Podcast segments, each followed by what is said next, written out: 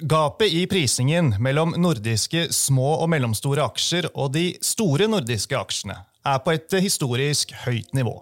Så hvordan er eh, investeringsmulighetene i de små og mellomstore aksjene nå? Og hvordan spiller ting som eh, oppkjøp, eh, kunstig intelligens, forventninger om lavere renter osv. inn i dette bildet når vi ser framover? Det skal vi få et svensk perspektiv på i dagens episode, der vi også skal innom flere konkrete aksjecase, som Evolution, Nordic Semiconductor og giganten Novo Nordisk.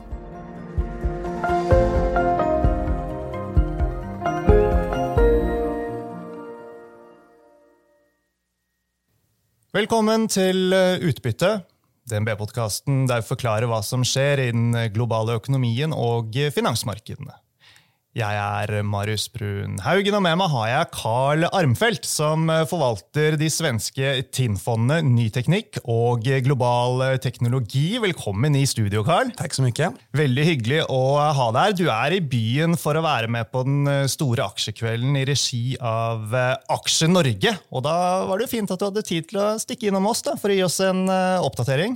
Mm, tack för att du har kommit. Ja, Bra. Uh, tenkte vi kunne starte med kort om deg og også TIN-fondene. Men, men, du, Carl, alltså, hvor lenge har du vært i eh, branschen? Nu har jag jobbat snart 15 år i branschen, så det börjar bli ett par år. Mm. Och, eh, huvudfokus har alltid varit på egentligen europeiska och nordiska mindre sällskap. Historiskt jobbat lite bredare med alla typer av småbolag. Men för lite drygt tio år sedan så började jag jobba lite mer mot tech också och tog över en fond som hette Robur Ny Teknik. Och eh, under den tidsperioden då kände gång efter gång hur vi hittade de mest intressanta affärsmodellerna i den lite mer innovativa delen av näringslivet. Man kan alltid ställa sig frågan när man adderar värde bäst, men kände också över tid att det är bättre att göra något med mer fokus mycket bättre än att försöka vara bäst på allt.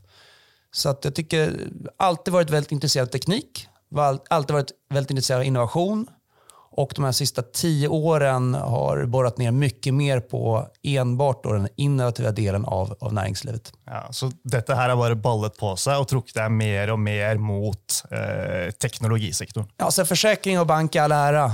Men eh, att träffa bolag inom mjukvara och inom hälsa som faktiskt ritar om världskartan för, för näringslivet, eh, som växer snabbare och, och skapar unika produkter det, det, är faktiskt väldigt kul och nästan till beroendeframkallande när man åker runt eh, och besöker många bolag och, och grundare. Mm.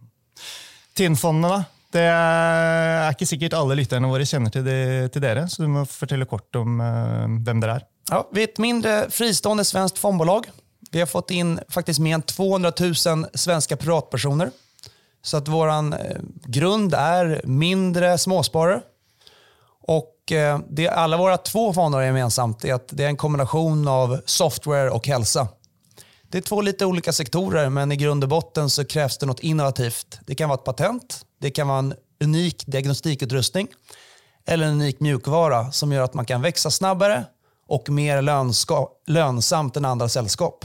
Mm. Så egentligen så är de två sektorerna ganska lika. Eh, och eh, vi har länge fokuserat på Norden. Det är vår hemmamarknad. Det är här vi har vårt starkaste kontaktnät.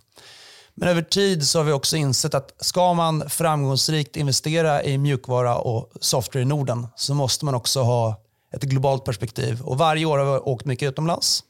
Vi har också fått ha en global andel i fonderna som över tid också varit en väldigt stark bidragsgivare. Så att vi har ett nordiskt fokus och framförallt då i ny teknik så är faktiskt eh, alltid minst 70% av innehaven nordiska och max 30% globala.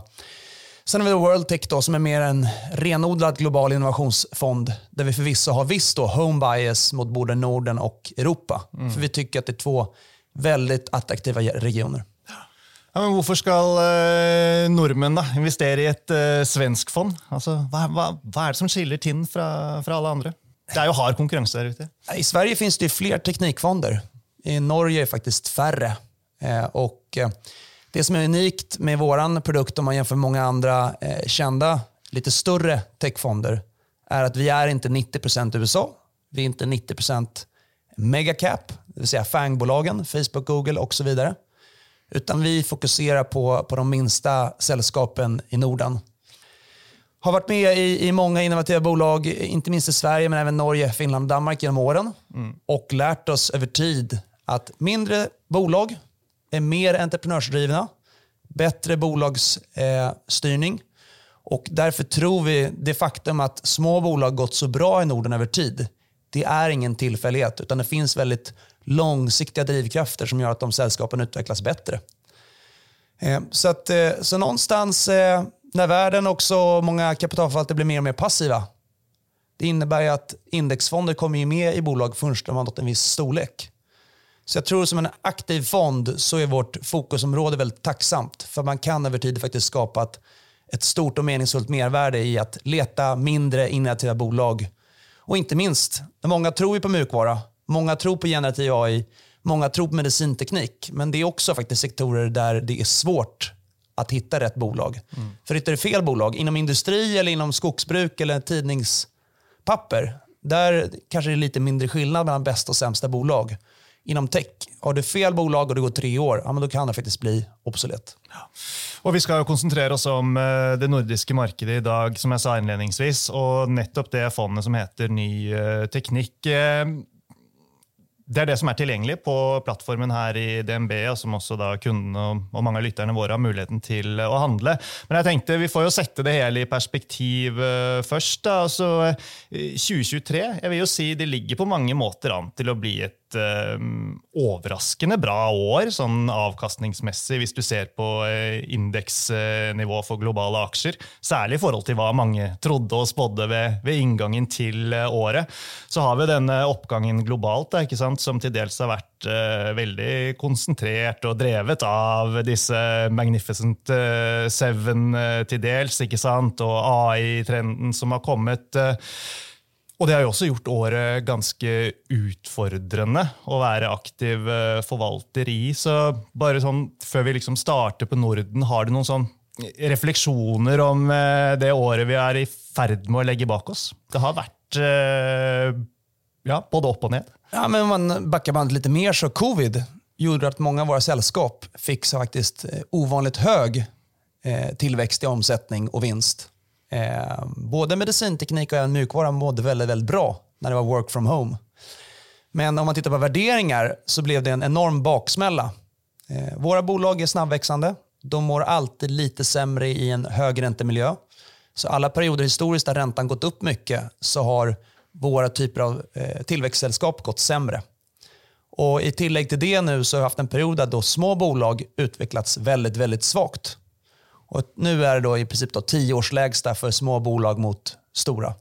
Men lyfter man på huvudet och funderar på hur går det för de här bolagen så kan man säga att både omsättningstillväxt eh, är ungefär med i tioårssnitt.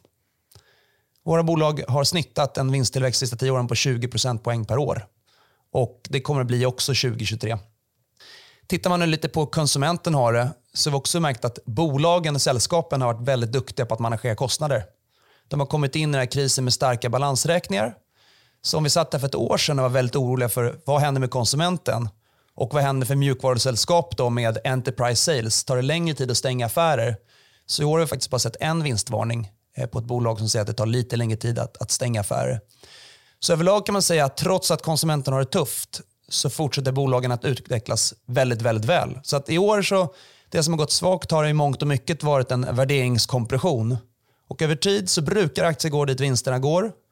Och, men någonstans eh, väldigt speciellt år. Eh, jag tycker de sällskap som har en unik produkt men fått finansieringsproblem i det korta, där har det varit hänsynslöst. Och där har jag faktiskt valt att väl, lämna ett antal bolag eh, som man kanske annars hade haft lite mer is i magen.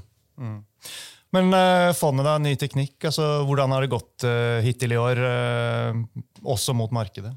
Eh, om vi jämför med ett svenskt småbolagsindex som är det benchmark vi har så, så i maj så låg vi en, nästan en ocean före. Eh, under sommaren så har vi haft en väldigt svag period. Och nu i norska, norska kronor tror jag att vi är upp 5 poäng i år. Eh, och något sämre än ett bredare småbolagsindex. Eh, har valt att smalna av portföljen lite. Och det vi har sålt har varit bolag med stor nettoskuld eller bolag som går med förlust. Och där vi valt att öka upp ytterligare har varit lite mer bevisade midcaps. Bolag som är lite mer självspelande pianon, som har längre historik och, och starkare tillväxt i både marginalvinst eh, och kassaflöde. Mm. Så att i år så, så har det fladdrat väldigt mycket och eh, year to date då, lite sämre då än en bredare, ett bredare småbolagsindex. Mm. Prisingen av nordisk eh, small cap, alltså hvor i källaren är det nu? Altså är vi på nivåer där vi, vi kommer till att se att uh, eh, ting sker? Att det blir intresse för att köpa selskaper, ta de av børs och så vidare? Mm. I Norge har varit en liten förridare där, för det har varit fler takeouts i Norge än i Sverige. Vi trodde faktiskt vid årets början att det kanske skulle komma lite fler bud på svenska bolag. Och De få som har kommit till Norge visar ändå att det finns väldigt stort inneboende värde i software. Eh, så att, eh, trodde väl kanske att det skulle varit lite fler takeouts. Kollar man värderingen nu så är det tio års lägsta. Det är fyra gånger i historien som varit eh, så här låg värdering de sista tio åren. Och vid de tre tidigare tillfällena så har det varit en väldigt kort tidsperiod. Det har varit väldigt snabb period till att det gått bättre igen för småbolag. Och vill man vara lite pessimist nu då, så nu när räntorna har gått upp så mycket och så länge så är det en väldigt speciell period. Och Det är första perioden när man ser ganska lite mer bredare utflöden, framförallt svenska småbolagsfonder. Så jag tror hela ekosystemet för, för småbolagen är lite mer utmanat och lite mer pressat än tidigare. Eh, och Det är svårt att se vilken enskild faktor som får det att vända. Men, men eh, sällskapen går bra, vinstutvecklingen är god och för den som har lite is i magen så är ändå affärsmöjligheten nu, just nu ovanligt stor givet värderingarna. Ja. Men skulle det vara som så att till exempel amerikanska tioåringen fortsätter upp och att den här stronger for longer blir mycket värre än alla trott, då är det svårt att se att, att eh, nordiska småbolag blir någon kortsiktig vinnare. Men över tid så har det varit en otroligt starkt vinnande faktor att ha mindre bolag i Norden. Och Inte minst så tror jag att det är för att till och med jämfört med USA så har vi faktiskt bättre bolagsstyrning i Norden. Vinsten i sällskapen går till aktieägarna och inte till, till andra ställen. Så, så, över tid så, så, ska jag säga att det är ingen, det, den här gången är inte skillnad heller. Mm. Ja, men jeg syns det er interessant. Altså, eh, tittat tittet på det sammen med en kollega som pleier å være med i podkasten her, eh, nemlig Paul Harper, eh, rett før du kom i studio, Carl. Eh, det er et veldig stort gap i prisingen nå, hvis vi ser på nordisk small cap i forhold til large cap. Altså, selv om også kursene for small cap har kommet litt opp de siste uken, to ukene, etter at renteforventningene har har endret seg litt. Men uh, det er altså sånn at uh, det er en 25 uh, premie på prisingen i favør av large cap. så det er liksom på et historisk veldig sånn, mm, høyt nivå. Da. Ja, det så det er jo liksom Det gjør det jo interessant å se på small cap nå. Gör det ja, någonstans man jämför också, så för något år sedan då när, när tech började sälja av, då såg vi att alla tekniksällskap gick lika dåligt. Och sen tog det ett tag och så märkte man att de som faktiskt levererade vinst och hade bättre affärsmodell, de började utvecklas bättre. Så känns det också nu i small cap att, att första benet här i vår, allt sålde av. Framförallt augusti var ju ett blodbad. Mm. Och nu här efter sommaren så riskaptiten börjar komma tillbaka. Och framförallt de mer välskötta bolagen som kommer klara det här nya ränteläget. De har ju också börjat sticka iväg ordentligt. Så jag tror att inte minst då, eh, småbolag som generell faktor är nog ovanligt aktiv just nu. Men då välskötta sällskap som kanske har nettokassa och som har en affärsmodell man kan höja pris i en hög inflationär miljö. Där tror jag också att man måste fundera på att det, det kommer nog inte vara lika lätt för ett skumraskbolag att klara sig på publikbörs de sista tre åren. Utan där, där märker vi ändå att det varit svårt, inte minst för mindre bolag, att ta in nytt kapital. Men sånn, hvis man ser fra det ovenfra, fra et litt sånn makroperspektiv uh, i forhold til small cap, altså er det nok at uh, rentene stabiliserer seg? Eller uh, må det liksom prises inn en litt mer langsiktig rentenedgang for at vi virkelig skal se en endring i investorenes vilje til å prise nordisk small cap høyere? Egentligen så historiskt har det varit inflektionspunkten till högre räntor som varit det tuffa. Mm. Och sen när de stått stilla, då det är en tillräckligt bra klimat för att small cap ska klara sig. Får inte glömma att heller både i Sverige och i, i Norge har vi den fördelen att vi har väldigt svaga valutor. Och för små bolag med stor export så är det också något som kortsiktigt gör det mycket bättre. Och Det är kanske en liten så detalj som ändå skiljer då Sverige och Norge mot Danmark och Finland. Finland känns som den ekonomi som kanske skulle behövs mest injektion i termer av att ja, ECB sätter räntan.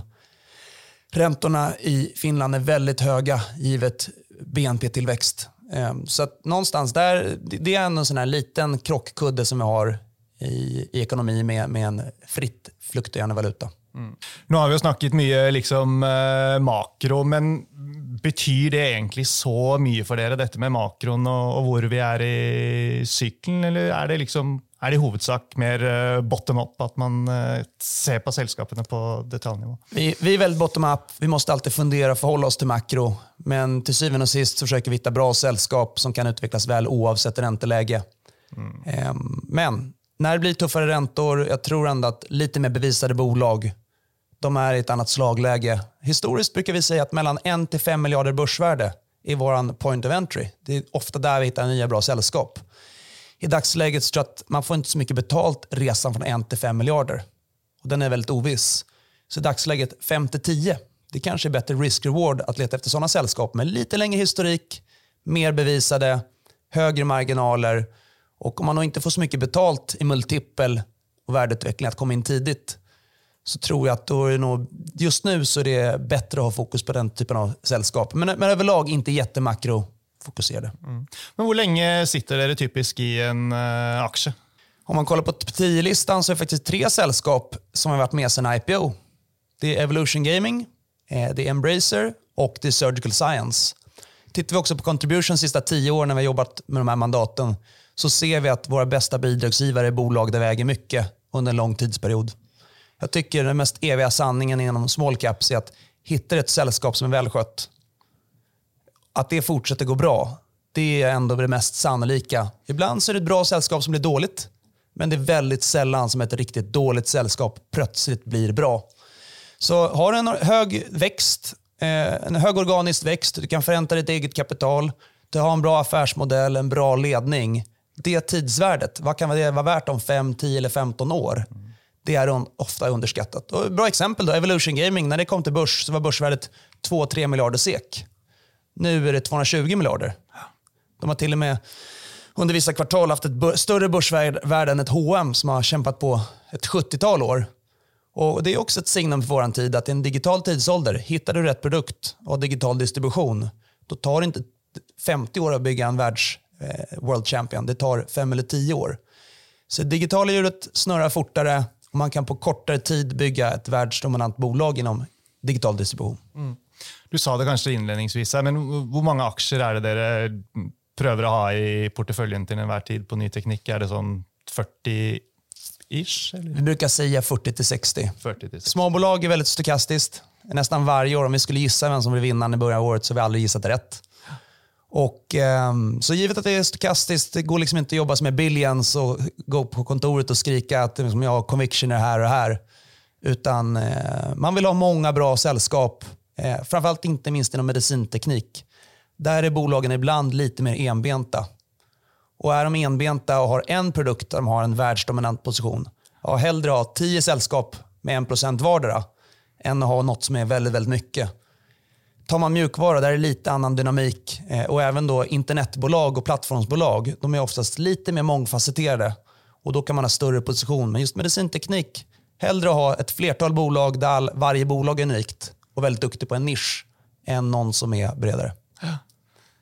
Lite sån, uh, eh, vad ska vi säga, preferensmässig. Alltså du kan ha capital light eller du kan ha en capital heavy förrättningsmodell. Uh, eh, du har hardware eller software, eller mjukvara då, som du eh, uh, kallar det. Syns det är ett väldigt fint namn. Är det några sån tydliga preferenser nu i förhållande till hur ni har tiltat portföljen eller är det lite mer sån det kommer an på. Eh, Nej, men om company characteristics så gillar vi ju software mer. Mm. Kapitallätta affärsmodeller. Det viktigaste för oss oftast är att bedöma churn. Hittar vi ett mjukvarubolag med låg churn, då får man fel i sin analys kring tillväxt. Då brukar man oftast lyckas ändå. Ehm, vi har inte varit lika mycket hårdvarufokuserade. Ehm, de sista åren har vi haft tur i oturen också. Det är att vi har haft få hårdvarubolag, men de få vi haft har alltid blivit utköpta. Så vi var aktieägare i Xilinx, som vi kallade det tidigare för Poor Man's Nvidia, som köptes ut från börs. Vi har också varit inne i lite tyskt eh, kamerabolag, vi var inne i ett, ett tyskt robotics-företag och eh, alla hårdvarusällskap har varit med i, förutom hittills då Nordic Semi har köpts ut från börs. Mm. Så där har vi försökt. Och vad letar vi efter där? Men det är ibland när man kan kombinera mjukvara med hårdvara och få software-like characteristics, det vill säga lite högre eh, marginal och inte superkapitalintensivt. Det riktigt kapitalintensivt, då är det inte riktigt vår eh, favorit. Nej. Så ett ganska banalt spørsmål, men like fullt uh, viktig. Da. Så, hva vil du si, hva er det som liksom kjennetegner et uh, bra nordisk uh, teknologiselskap i dag? Altså, liksom, hva, ser du etter i et selskap? Hva är liksom det viktigaste? Någonstans ett bolag som växer med 10-25% per år. Ett bolag som gärna har en ebit-marginal över 15%. Och ett bolag, eh, och det har vi kämpat med ibland i Norge, som faktiskt bygger någonting stort och långsiktigt på riktigt och som är lite mer industriella i sin approach.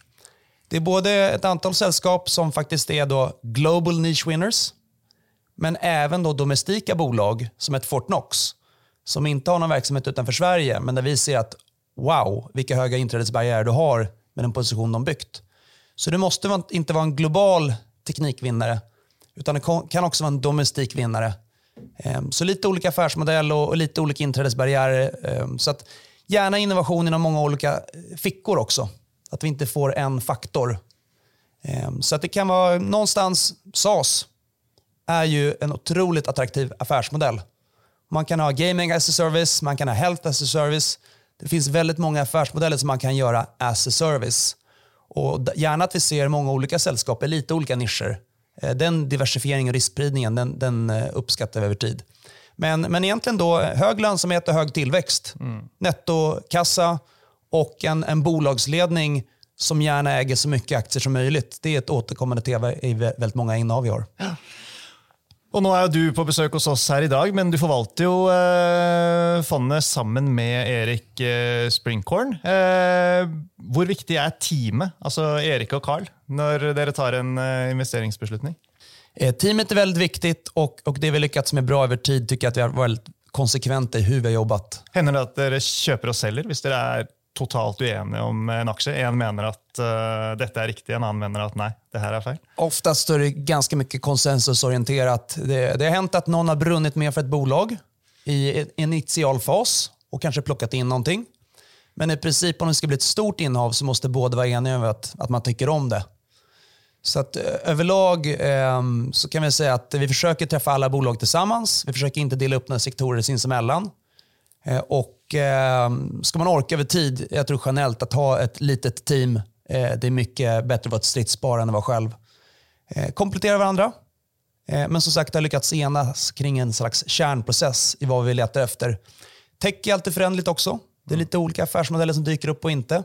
Och, och då var adaptiv, men var enas kring att det är liksom lönsam tillväxt som över, över tid driver aktievärde. Och försöka identifiera bra bolag och vara väldigt fundamental i den här approachen. Eh, det är ändå det vi har lyckats med och någonstans tittar man på vår process idag mot för tio år sedan. Så ja, vi har varit, försökt vara så adaptiva vi kan för nya techtrender. Men kärnprocessen försöker vi hålla väldigt eh, lika. Ska vi avsluta med att snacka lite om eh, någon av de större aktierna ni har i portföljen? Då. Det är alltid eh, gøy. Jag tänkte Vi får starta med Novo Nordisk. Alltså, det är ju aktien som bara ger och ger. Men, men alltså, är det inte lite rart att den största behållningen i ett uh, small cap-fokuserat fond är, uh, Nordens största sällskap? Ja, vi har träffat dem länge. Vi har historiskt sagt att det här är liksom lite av en kvasikassa. Novo Nordisk är Nordens mest välskötta bolag, både i produkt kapitalallokering men även bolagsstyrning. Det går bara hatten av.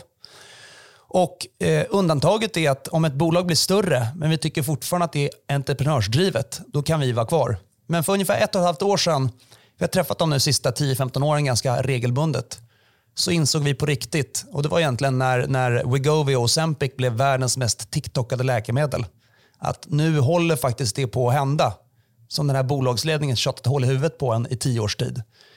De är eh, störst i världen på GLP-1, har mer än 50 procentenheter av den världsmarknaden. Den världsmarknaden är värd 30 miljarder dollar i dagsläget. Man tror att om fem år så är det värt ja, 150. Så kan de ha 40 procent av 150 istället för 60 procent av 40 så är det en enorm möjlighet. Men framförallt då Wegovy och Ozempic är läkemedel som till och med är så pass kraftfulla att eh, amerikanska matproducenter nu ser förändrat beteende bland konsumenterna i USA. Väldigt tidigt, det kommer mer konkurrens, men ibland är det bra när det slår upp en restaurang på andra sidan gatan också.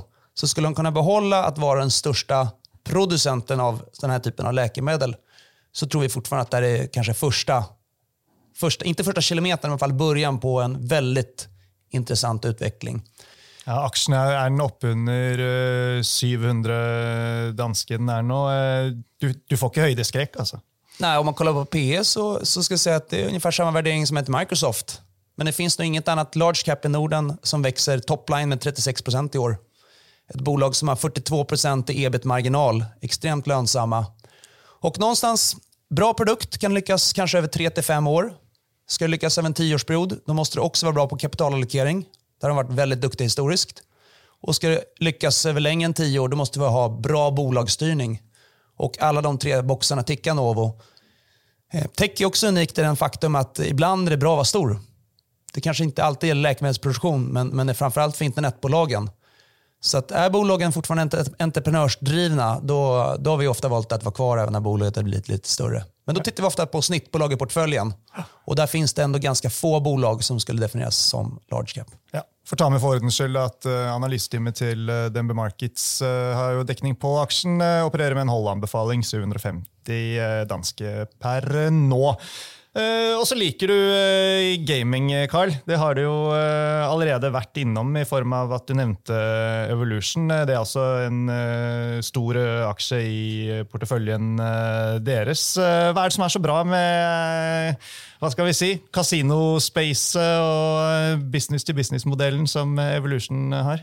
Inom medicinteknik har vi älskat underleverantörer som tillverkar då produkter för alla läkemedelsbolag. Och samma sak gäller ett Evolution. De är underleverantör till, de har över 80% poäng av världsmarknaden för live casino. Hög tillväxt, hög lönsamhet. Eh, ett bolag där vdn faktiskt förra veckan köpte aktier för ytterligare 100 miljoner kronor och ökade sitt aktieinnehav med 22 procent. Så väldigt entreprenörsdrivet. Eh, och eh, just världsmarknadsandel, det är en återkommande faktor i många bolag att har man en väldigt hög sådan, det måste vara ett resultat av många goda beslut under en lång tidsperiod. Tycker att inträdesbarriärerna är höga. Ehm, och eh, det är ett bolag som nu är på lägsta P-värderingen sedan IPOn. När de kom till börs var det 20 PE. Nu är det 12, 13, 14. De växer inte längre 40 eller 50 procent för att basen har blivit större, så de växer 20. Men om du slår ihop då ebitda plus tillväxt så ebitda-marginalen är 70 och tillväxten är 20. Så det är ett bolag i dagsläget som har en, en free cash flow yield på 6% De delar ut 50% av vinsten vilket ger en ett utbyte på 3 procentpoäng, vilket är väldigt attraktivt. Lägre börsvärde än ett, eh, till exempel H&M, större ebit än en H&M och framförallt mycket, mycket hög organiskt växt än ett H&M. Så jämför med ett sånt storbolag så får du i princip då den mesta framtida tillväxt Evolution gratis i dagsläget. Du nämnde ju det att uh, chefen i sällskapet, Martin uh, Karlesund, är det det han heter, uh, har köpt eh, aktier. Det har fått lite uppmärksamhet. Uh, eh, vad är det han ser i krystallkulen, tror du? Statistiskt, när du ser insynsförsäljning så finns det väldigt många anledningar till att man säljer en aktie. Men när du ser insynsköp ett bolag så finns det egentligen bara en anledning. Och det är att man tror att bolaget är mer värt över tid. Så jag tror att han ser bara att det varit en del osäkerhet kortsiktigt. Eh, varit mycket prat om att eh, många, framförallt bettingbolag i Storbritannien och USA har kommit med en del vinstvarningar i år. De har mest haft att göra med sportsbetting. Eh, där mycket bett framförallt gick emot operatören under september. Men det är ingen faktor som egentligen påverkar Evolution. De, de är mycket mer breda geografiskt. Eh, de har ingen sportsbettingprodukt. Så jag tror bara att eh, han ser att det här är ett bolag som växer, de gör rätt saker och med en så hög organisk tillväxt så tror jag bara att han tänker att det här är mycket mer värt på 3, 4, 5 år. Han tycker väl också att kanske det är roligt att bygga det här bolaget, att han känner att han är en stor aktieägare själv. Och över tid, vi har märkt att just bolag där vdn har lett från fronten istället för att sitta längst bak på en kulle och rita på en karta, det har faktiskt funkat eh, bättre. Mm. Tilbakeköp, är det, är det något som kan bli uh, aktuellt för uh, sällskapet av egna aktier? De har börjat köpa tillbaka egna aktier. Jag tror att eh, det hade varit smart för dem att ha en ännu tydligare policy för, för återköp och för kapitalallokering. Det är fortfarande lite av en svart box. De har en väldigt stor kassa eh, i förhållande till, till börsvärdet. De har gjort några förvärv historiskt som varit okej, okay, men inte fantastiska. Så skulle de gå ut och säga att de eh, kommer bli än mer aggressiva på återköp eller liknande och att du kan faktiskt värdera den här kassan på ett annat sätt än vad man gör i dagsläget så tror jag att det hade varit eh, positivt. Sen är det som så att de är väldigt långsiktiga det de gör. Martin det är ingen kille som springer omkring och snackar upp aktien, utan de är rätt tysta vad gäller kommunikation. Så deras devis är leverera EPS-tillväxt, visa aktionärerna vad vi gör och sen så kommer nog värderingen att komma eh, över tid. Så att, eh, skulle de göra något slags extra återköp, eh, ja, det hade, jag, jag tror att det hade inte varit någon nackdel att ha kanske en lite tydligare policy. Men, men det har inte varit deras modus operandi historiskt. Mm. Får ta med att eh, uh, analytikeren til eh, DNB Markets har en eh, uh, kjøpsanbefaling på uh, Evolution. Kursmål 1640 svenske er vel rundt 1000 nå, om jeg så riktig på skjermen. Og ja, forrige topp det var tilbake i mai 21. Da var den vel over 1500 på et tidspunkt. Fra den til eh, en av de norske aksjene som eh, dere har Det er ikke så mange norske aksjer i eh, porteføljen, Karl? Det är ganska få just nu. Ja. Hvor mange er det? Tre. Ja. Lite större innan. Nordic Semiconductor er en av de som, som dere har. Det har ikke vært en veldig gøy reise for aksjonærene den seneste tiden. Det, det har alle som følger det norske aksjemarkedet, fått, fått med seg. Ehm, vad är det som gör att du eh, väljer, att, väljer att bli sittande här? Vi har inte varit med i sällskapet särskilt länge, utan vi kom med, kom med under våren eh, Eh, när de redan hade kommit med en av sina första vinstvarningar. Eh, de sa väl då att de såg kanske 3-6 månader av lite mjukare marknad. Och när man träffar dem nu så ser de definitivt att det kommer vara svagare längre än så. Men det intressanta med, med Nordic är att eh, det är ett hårdvarusällskap. Men om de tittar på tillväxt, kapitalbindning, marginal så har de väldigt software-like characteristics. En stark global världsmarknadsandel inom Bluetooth Low Energy som är över 40 procentpoäng. Och det är ändå ett liksom deep tech-bolag som har jobbat hårt nu med sin 54-plattform som det senaste. Och där vi ser att eh, Bluetooth och den typ av teknik de använder går från bara short range att även börja smyga sig in i wifi och smyga sig in i LTE och 5G, det vill säga devices som faktiskt kan sända på mycket längre räckvidd. Historiskt så var de starka på till exempel tangentbord och möss och nu så växer de starkt till exempel då inom medical devices, inom tracking av eh, till exempel lager och så vidare. Så, att, så att det är ett sällskap som är lite svåranalyserat, eh, som i det korta nog är nog ganska lampig, men som ändå har en, en särställning och eh, ja, väldigt innovativa produkter. Mm. Så att, eh, ibland händer det att vi kommer in i sällskap och de får en väldigt tuff period och då måste vi alltid ställa oss frågan, ska vi vara kvar eller inte? Lyxen här är väl att vi har kommit in hyfsat sent eh, och, och då är det lite lättare att komma in som oppositionsparti. Eh, så att, eh, ja, skulle det vara som så att de får en lång period där den här marknaden är väldigt, väldigt tuff, det hade varit negativt. Men, men en erfarenhet vi har historiskt, det är att när det får mindre efterfrågan, inte minst på hårdvara, så när du får den här inventarieomställningen, det blir oftast en riktig käftsmäll. Och det är väl det som har skett i Nordic i dagsläget. Mm. Så nu så är det som är inprisat att det ska gå väldigt dåligt i det korta. Och eh, tror man bara att det kommer återvända någon gång under 2024, då säger de själva andra halvåret 2024. Det är en viss tid dit. Men, men fortfarande så, så, så är det ett intressant bolag. Ikke sant? Det, det, underliggende markedet det, det, kommer jo tilbake når det kommer tilbake, men du er trygg på at eh, Nordic eh, har en eh, posisjon og evne til å klare å henge med, slik at de til enhver tid er posisjonert med den riktige teknologien og det som kundene vill etterspørre. Man kan argumentera för att någon kund, konkurrent som ett Silicon Labs har varit kanske lite mer aggressiva i år. Men överlag när man gör channel checks, när man tittar på deras produkt, tittar på konkurrenter så nej, de har inte blivit avhängda av alla andra sällskap som har någon slags mer innovativ produkt. Det finns vissa kinesiska aktörer. Eh, också svårt att se att med nuvarande geopolitiska diskussion att de skulle få någon jättemarknadsandelar. Där går ju snarare trenden åt andra hållet. Och någonstans när man kollar på många slutapplikationer så är bluetooth-delen, till exempel inom medicinteknik, det blir en väldigt liten kostnad. Det viktiga där det är kvalitet, att det är något som är bevisat. Och Vi märker också att deras mjukvarukomponenter blir en viktigare del i offering över tid.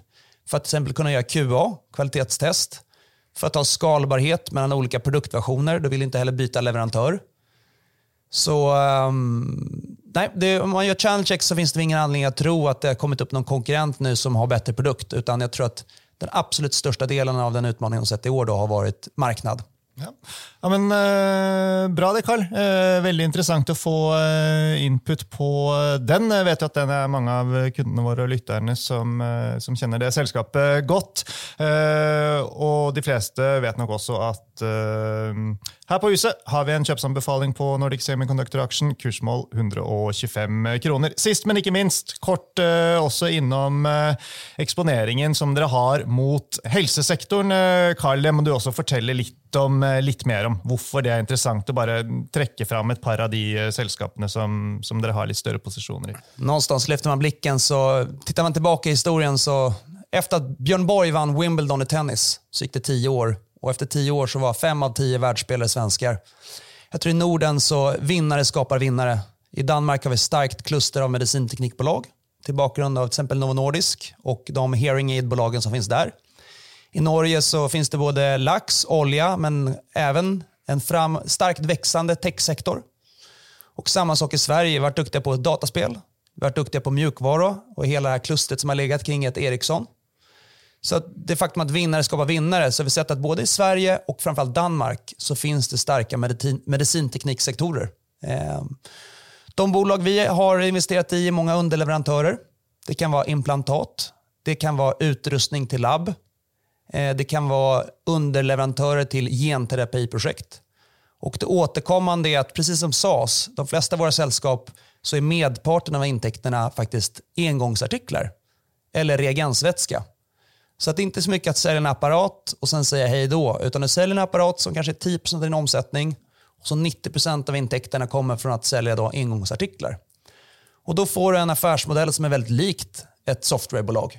Mm. Eh, du får också ett, ett sällskap som inte är beroende av att projekt A, B eller C får fas 3-godkännande.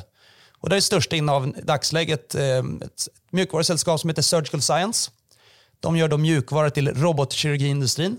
Eh, Intuitive Surgical, som är störst i världen nu på robotkirurgi, sa i förra veckan att deras ingrepp växer med 19% per år. I dagsläget så är det 2% av alla världens ingrepp som görs med en, med en robot.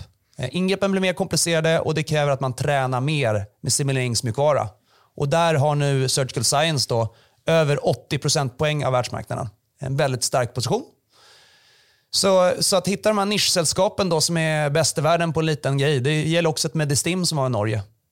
De kanske är lite för enbenta, men, men det är ett bolag som just vad gäller eh, oh, deras kirurger som de säljer till, de har historiskt gjort det här manuellt de har inte haft någon utrustning och när de kommer med sin flowprobe eller vad det är så handlar det inte om att, att få mer kvalitet.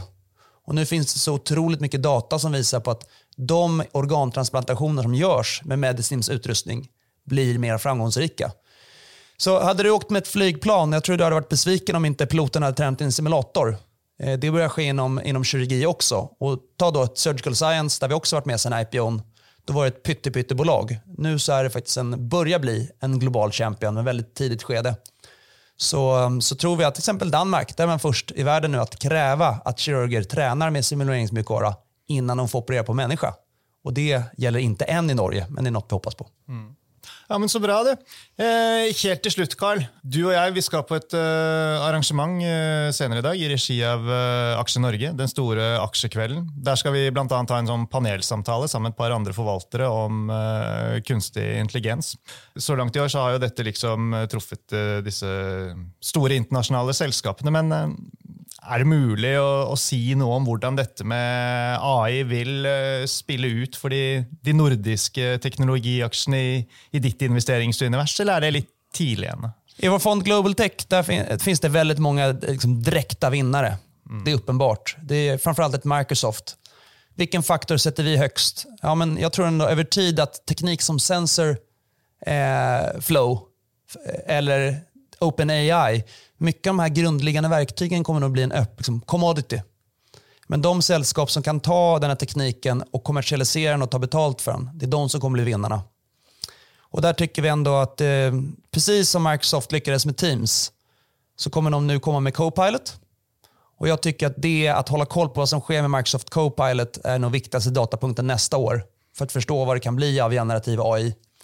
Adobe är ett annat innehav i, i World Tech som vi tycker, ja, Midjourney all ära, ära. Vi använder Midjourney själva nu för bildgeneration. Men tänk dig hur många i världen som inte använt Adobes mjukvara i 20-30 år och är van med en sån arbetsprocess. Om, man då, om de kan göra ett AI-lager av många, då kommer man nog falla tillbaka till att fortsätta använda Adobe. Så att de har släppt Firefly, som har varit väldigt duktig på att ta bort objekt, men ganska dåligt på att generera objekt än så länge. Så skulle Copilot vara som ett Firefly, då tror jag att folk blir nog lite besvikna på den här lanseringen av Microsoft. Men eh, att förstå vilka bolag som kan tjäna pengar på det, det tror jag är det viktigaste. Och att vara nyfiken. För det som är sant idag, att ett bard är bra eller inte, det kan ha förändrats väldigt, väldigt fort. Däremot, om ni jämför med bitcoin, vi tror inte att det här är liksom någon, någon kortsiktig sak, utan det här är saker som förändrar världen på riktigt. Och eh, även på vårt företag så, så märker vi redan nu att vi använder de här verktygen väldigt mycket. Det gör oss mer effektiva och det här är första kilometern på ett ultramaraton. Så att eh, man ska vara nyfiken, prova, våga prova det som kommer. Eh, som, så sent som förra veckan kopplade jag faktiskt ihop Siri på min iPhone med, med ChatGPT. Det är ganska häftigt. Nu har jag kört ungefär 10 timmars dialog. Och eh, ChatGPT har inte missförstått ett ord jag sagt. Eh, man kan ställa frågor om bolagsvärdering, man kan ställa otroligt mycket frågor. Och Copilot, vad kommer den göra? Jo, jag kommer kunna ställa samma frågor och få samma goda svar. Men med utgångspunkt då från mina e-mail, från mina värderingsark som jag har gjort kring våra sällskap. Eh, så att kontextuell intelligens, där kan nog Copilot väldigt snart visa vad, vad som går att åstadkomma. Och, eh, de gjorde en undersökning nu bland early adapters på Microsoft. Det är bara ett fåtal bolag i Europa som har fått en, en pilot än så länge att testa. Och då var det 75 procent som sa att de blev mycket, mycket mer produktiva. Mm. Och de då dubblar priset per månad för alla användare mot någon som bara har Office 365. Det blir eh, spännande att se hur det här eh, spiller sig ut. Eh, vi är kommit till vägs ände för idag, så då gjenstår det bara att säga tusen tack för att du tog dig tid för att komma hit till oss och ge oss en uppdatering. Och sist, men inte minst, tusen tack folkens till alla dere som följde med.